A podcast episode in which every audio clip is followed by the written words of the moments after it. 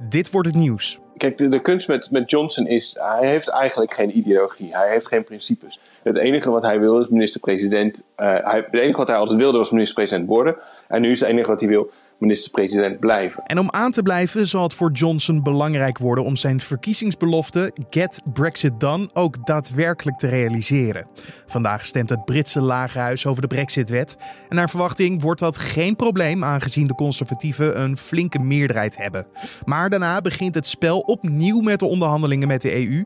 En dan kan het weer spannend worden. Straks meer hierover met Brexit-kenner Lennart van Otterlo. Maar eerst kort het belangrijkste nieuws van nu. Mijn naam is Carne van der Brink en het is vandaag donderdag 9 januari.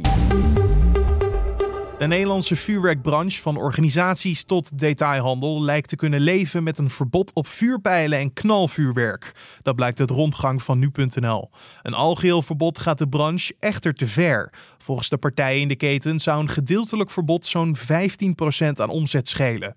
De afgelopen jaarwisseling ging er nog voor meer dan 77 miljoen euro aan vuurwerk over de toonbank. Een verbod zorgt ook voor problemen bij vuurwerkverkopers. Zo heeft Hugo Groeneweg van de Vuurwerkreus een grote winkel in Rotterdam. Als het verbod in Rotterdam ook leidt tot een verkoopverbod in de stad, dan kan ik de zaak daar sluiten. Al dus Groeneweg die per winkel meer dan 70.000 euro heeft geïnvesteerd in veiligheidsmaatregelen om vuurwerk te mogen verkopen.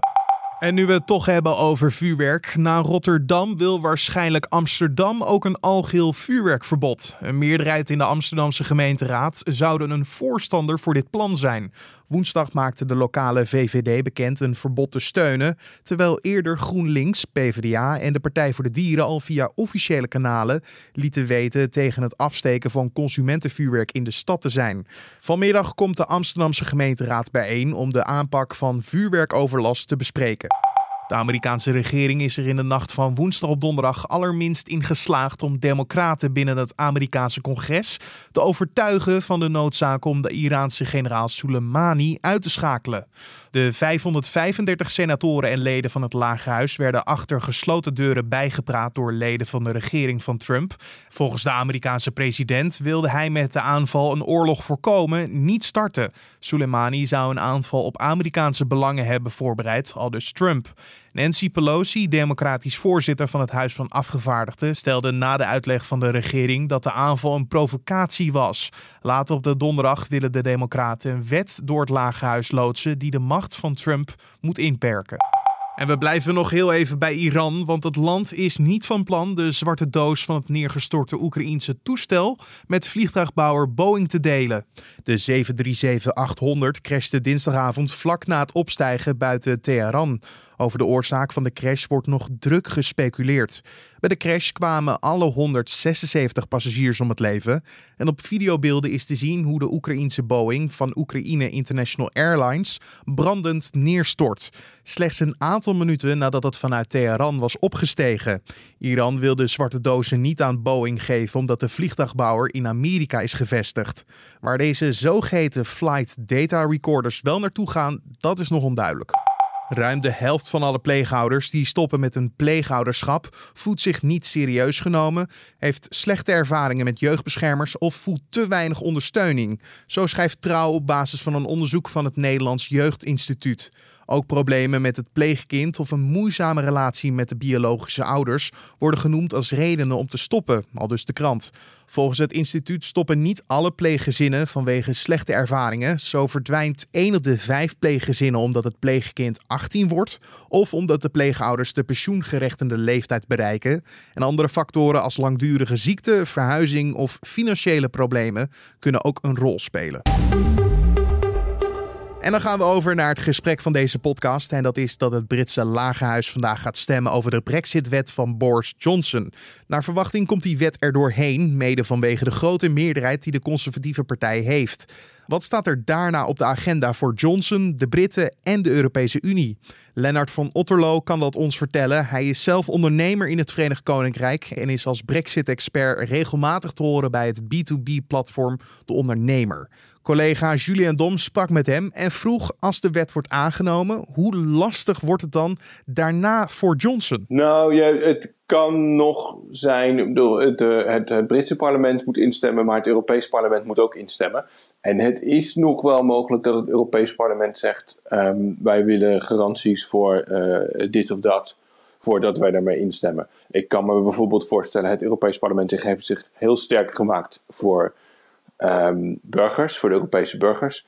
En um, dat is natuurlijk ook een taak, want daar worden zij direct door gekozen. Uh, en ik kan me voorstellen dat zij extra garanties willen dat uh, mensen zoals ik, eh, EU-burgers die in het Verenigd Koninkrijk wonen, um, dat die nog steeds bepaalde rechten kunnen houden en dat bepaalde beloftes gegarandeerd blijven. Ik denk niet dat ze het helemaal zullen afwijzen, maar ze zullen waarschijnlijk wel wat, wat, wat van dat soort geluiden maken. Welke argumenten zijn voor, voor de EU te maken om het Verenigd Koninkrijk ja, zover te krijgen dat zij akkoord gaan met wat de EU zelf wil? Nou ja, kijk, ik, ik denk, uh, en daarom zijn ze stiekem uh, best blij met Johnson. Uh, hij heeft eigenlijk, laten we wel wezen, hij heeft eigenlijk gecapituleerd. hij heeft, is minder, minder hard erin gegaan als mee in de onderhandelingen. Zo ligt er dus straks een grens tussen, door de Ierse Zee, tussen Noord-Ierland en de rest van het Verenigd Koninkrijk. Die, die ze voorheen hadden zeiden, dat, gaat nooit, dat, dat gaan we nooit accepteren. En nu komt hij er toch. Nou, dus ik denk stiekem dat ze, dat ze in Brussel best wel blij zijn met Johnson. Want hij is vrij meegaand, maar verkoopt dat thuis als een enorme overwinning. En daar is hij heel erg goed in. Um, dus ik denk dat zij er redelijk tevreden mee zijn, eh, tot nu toe. En wat ik verwacht is. Kijk, de, kunst met, met Johnson is. Hij heeft eigenlijk geen ideologie. Hij heeft geen principes. Het enige wat hij wil is minister-president. Uh, het enige wat hij altijd wilde was minister-president worden. En nu is het enige wat hij wil minister-president blijven. Dus ik verwacht dat zij inzetten op dat als, het, als er echt met een hele harde klap ze met een no-deal eruit gaan, dat dat slecht is voor Johnsons positie en dat hij dat zelf ook ziet. Dus ik denk dat ze dat nog wel, dat ze dat dreigement nog wel kunnen gaan gebruiken. Wat is dan nu de eerstvolgende deadline die er voor de Britten aan zit te komen? Als we even van uitgaan dat deze donderdag uh, er positief gestemd zal worden op de Brexit-wet. Ja, nou ja, goed. Uh, dus op 31, zoals het er nu naar uitziet, 31 januari om. Uh, om middernacht Brusselse tijd verlaat het land de Europese Unie. Dan is er een, nou ja, een, soort officiële deadline, is, is 1 juli, maar die schijnt heel flexibel te zijn. Dus die, die, de, de juli-deadline zou zijn, dat is het uiterste moment waarop er uh, uitstel gevraagd kan worden voor de volgende fase van de onderhandeling, of verlenging van de volgende fase. Maar de geluiden zijn dat dat in praktijk best flexibel zal zijn. Dus de echte harde deadline is uh, 31, 31 december 2020, dus eind dit jaar. Want dan, gaat het, dan houdt de transitiefase op. En dan gaat het, het land echt de nieuwe situatie in. En ja, hoe, hoe, als hij dus niet goed is onderhandeld of uh, nog niet klaar is, dan vallen ze dus uit zonder nieuwe overeenkomst. En zonder nieuwe overeenkomst, dat zou dus gevaarlijk voor Johnson kunnen zijn? Ja, dan, dan krijg je die, die uh, ja, flinke economische doemscenario's die we natuurlijk al hebben gezien en waarvan we ook al wat voortekenen van hebben gezien. Um, en ik denk dat dat, um, dan moet hij dat wel heel knap kunnen spinnen om de EU daar, schuld, daar de schuld van te geven, terwijl uh, alle waarschuwingen uh, uit blijken te komen. Dus ik denk dat dat voor hem heel lastig wordt. Hoe leeft dat dan in het Verenigd Koninkrijk als Johnson, de premier die nu gekozen is, eigenlijk niet een man van echte principes is, maar meer van ik wil premier blijven? Dat zal toch ook wel enigszins uh, ja, wat laten zien bij de stemmers daar in het Verenigd Koninkrijk? Ja, nou ja, kijk, ik denk uh, de meeste mensen hebben niet op Johnson gestemd omdat ze zo'n fan van hem zijn. Uh, de meeste mensen hebben op Johnson gestemd omdat ze nog minder fan waren van de kandidaat aan de andere kant. Uh, en er zitten redelijk wat mensen bij die, uh, denk ik, op Johnson hebben gestemd omdat ze dachten dat ze nu nooit meer over Brexit zouden hoeven te praten. Um, en is, dat is natuurlijk een beetje ironisch, want hij is de man die Brexit veroorzaakt heeft. En mensen zijn nu Brexit moe. En dan stem je op de man die het veroorzaakt heeft. Maar hij hij, hij doet het nu voorkomen alsof uh, Brexit straks op 31 januari is gebeurd. En dan kunnen we erover ophouden. Dan is het gedaan. Uh, en dat is natuurlijk niet waar. Maar daar heeft hij wel de, kiezers mee binnengehaald. Maar het, het, is een beetje de vraag wat, hij geïnjecteerd heeft. En dat doet hij heel goed. Is een, een, een optimisme, een, een, een, uh, een positieve visie op de toekomst. Dat die is grotendeels dat, dat is grotendeels flauwekul. Maar in een land dat al drie jaar lang eigenlijk gebukt gaat onder een soort, uh, ja, nou ja, bijna een hele voorzichtige burgeroorlog, uh, kinderzinnen uh, en somberheid, is dat een hele welkome afwisseling. En dat heeft hij heel goed aangevoeld. Betekent dat ook dat er weer wat rust komt in de Britse politiek en dat er misschien meer gekeken kan worden naar de binnenlandse politiek in verhouding tot de buitenlandse slash EU-politiek? Mm, ik verwacht niet dat het rustig blijft in, in de. Dat het rustig wordt in de binnenlandse politiek. Ik denk. Uh, we krijgen een nieuwe leider van de oppositie binnenkort. Uh, in april, geloof, geloof, ik nu. Dus Labour gaat een nieuw iemand kiezen. het hangt een beetje vanaf wie dat wordt. Maar ik denk dat dat iemand is die veel, die veel harder gaat optreden tegen Johnson. En dus dan zullen we weer wat meer harde oppositiedebatten krijgen.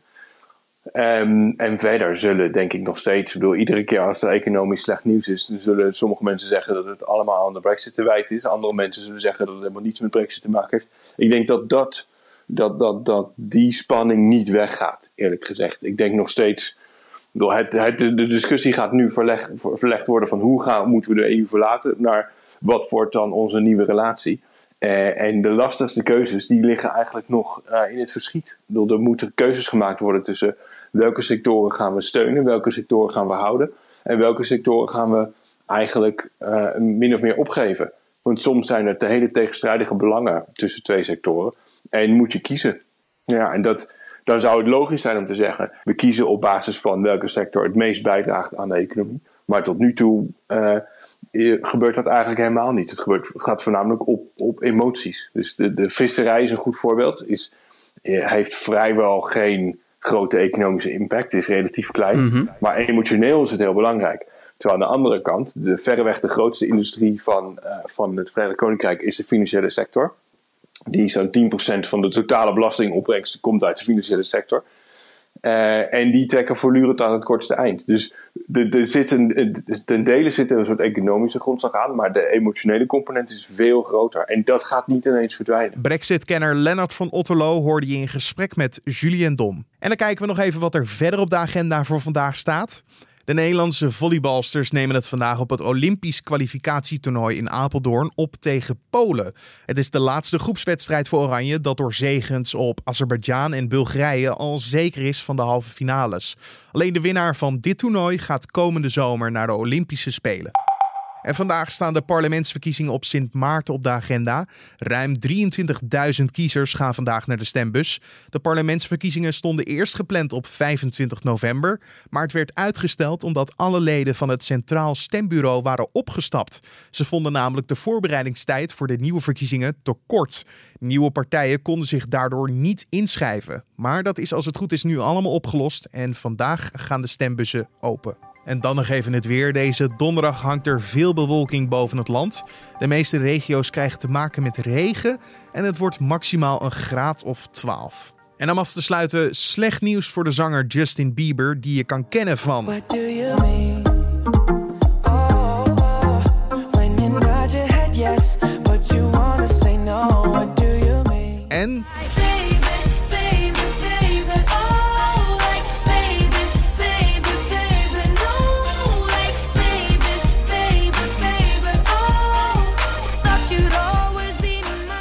Hij heeft namelijk via Instagram bekendgemaakt dat bij hem de ziekte van Lyme en de ziekte van Pfeiffer geconstateerd is.